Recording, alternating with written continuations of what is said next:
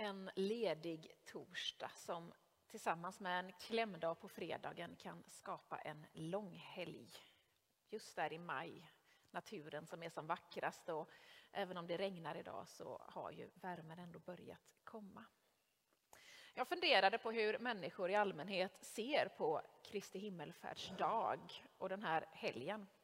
Och så googlade jag. Det mesta handlade om hur ledigheten infaller.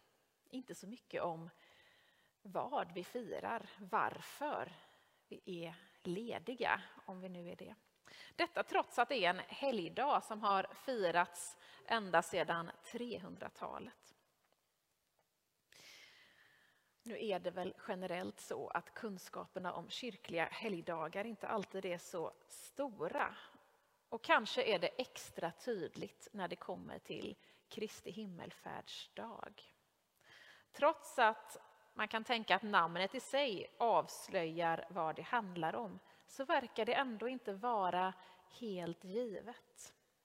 Jesus har dött, Jesus har uppstått. Var det inte klart sen?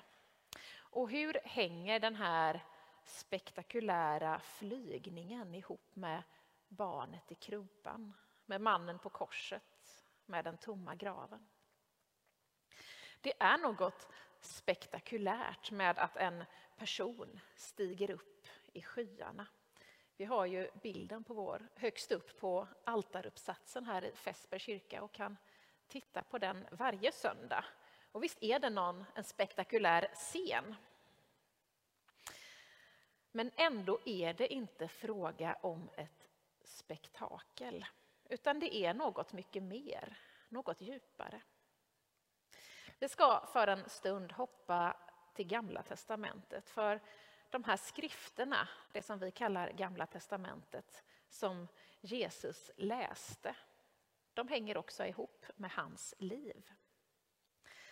Den bibelbok som i vår bibel kallas för Andra Mosebok, men vars latinska och internationella namn är Exodus. Exodus som betyder uttåg. Det här är Gamla testamentets stora befrielsebok. Det är här vi kan läsa om hur Gud utväljer Mose till att befria Israels folk från slaveriet i Egypten. Och den här bibelboken, Exodus, avslutas med en beskrivning av den boning som Mose och hans bror Aron på Guds uppmaning låt det göra åt Gud.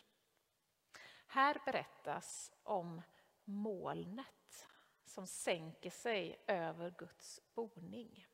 Molnet som är tecknet på Guds fördolda närvaro bland sitt folk. Gud har befriat från slaveriet i Egypten. Folket är befriade, de är fria, men de är inte övergivna. Gud är med dem. Fria, men inte övergivna. Och så hoppar vi till Nya testamentet och Jesus himmelsfärd. Och så ser vi på något sätt hur berättelsen liksom upprepar sig och bekräftas. Jesus har besegrat döden och genom det befriat sitt folk från synd och död. Han har först vandrat på jorden och med sitt sätt att leva och tala vittnat om Gudsriket. Och han har sagt om sig själv att jag är sänd att förkunna frihet för de fångna. Jesus är frälsaren, befriaren. Genom sin död och uppståndelse har Jesus befriat sitt folk.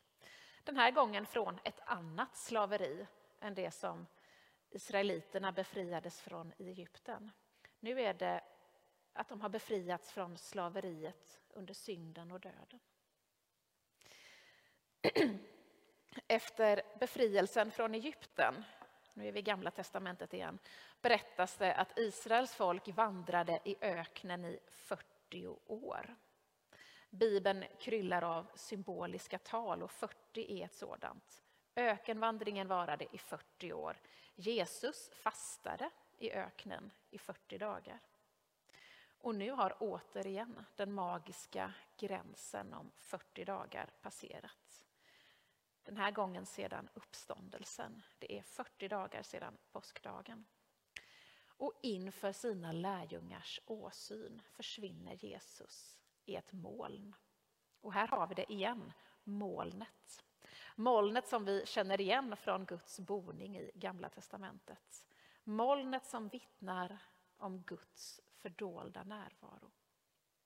Återigen har en befrielse, en frälsning ägt rum.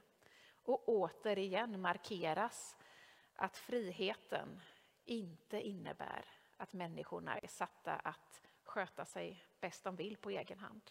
När Gud är med dem. Guds närvaro finns kvar. Gud är med oss. Vi är fria, men inte övergivna. Himmelsfärden kan se ut som att Jesus lämnar lärjungarna. Men i själva verket är det tvärtom. Och Jesus han är så noga med att betona detta hela tiden. Ursäkta. Han pratar gång på gång om anden, den här hjälparen som ska komma. Och Jesus har ju lovat, jag är med er alla dagar till tidens slut. Genom att stiga upp till himlen och sända sin ande, hjälparen, så är Jesus närvaro inte begränsad på jorden till en plats i taget. Genom anden finns det gudomliga mitt ibland oss, överallt, hela tiden. Det är detta som Jesus bereder vägen för när han stiger upp till himlen. Och det var säkert svårt för lärjungarna att förstå. Och det är väl svårt för oss att förstå än idag. Likt lärjungarna så är det så lätt att vi också står kvar där med blicken vända mot himlen. Vart tog han vägen? De två männen i vita kläder som plötsligt finns där vid lärjungarna de syns också där på altaruppsatsen. De riktar sig inte bara till lärjungarna där och då. De riktar sig också till oss idag. Galileer, Mölndalsbor. Varför står ni och ser mot himlen? Denne Jesus som har blivit upptagen från er till himlen ska komma tillbaka. Så sänk blicken.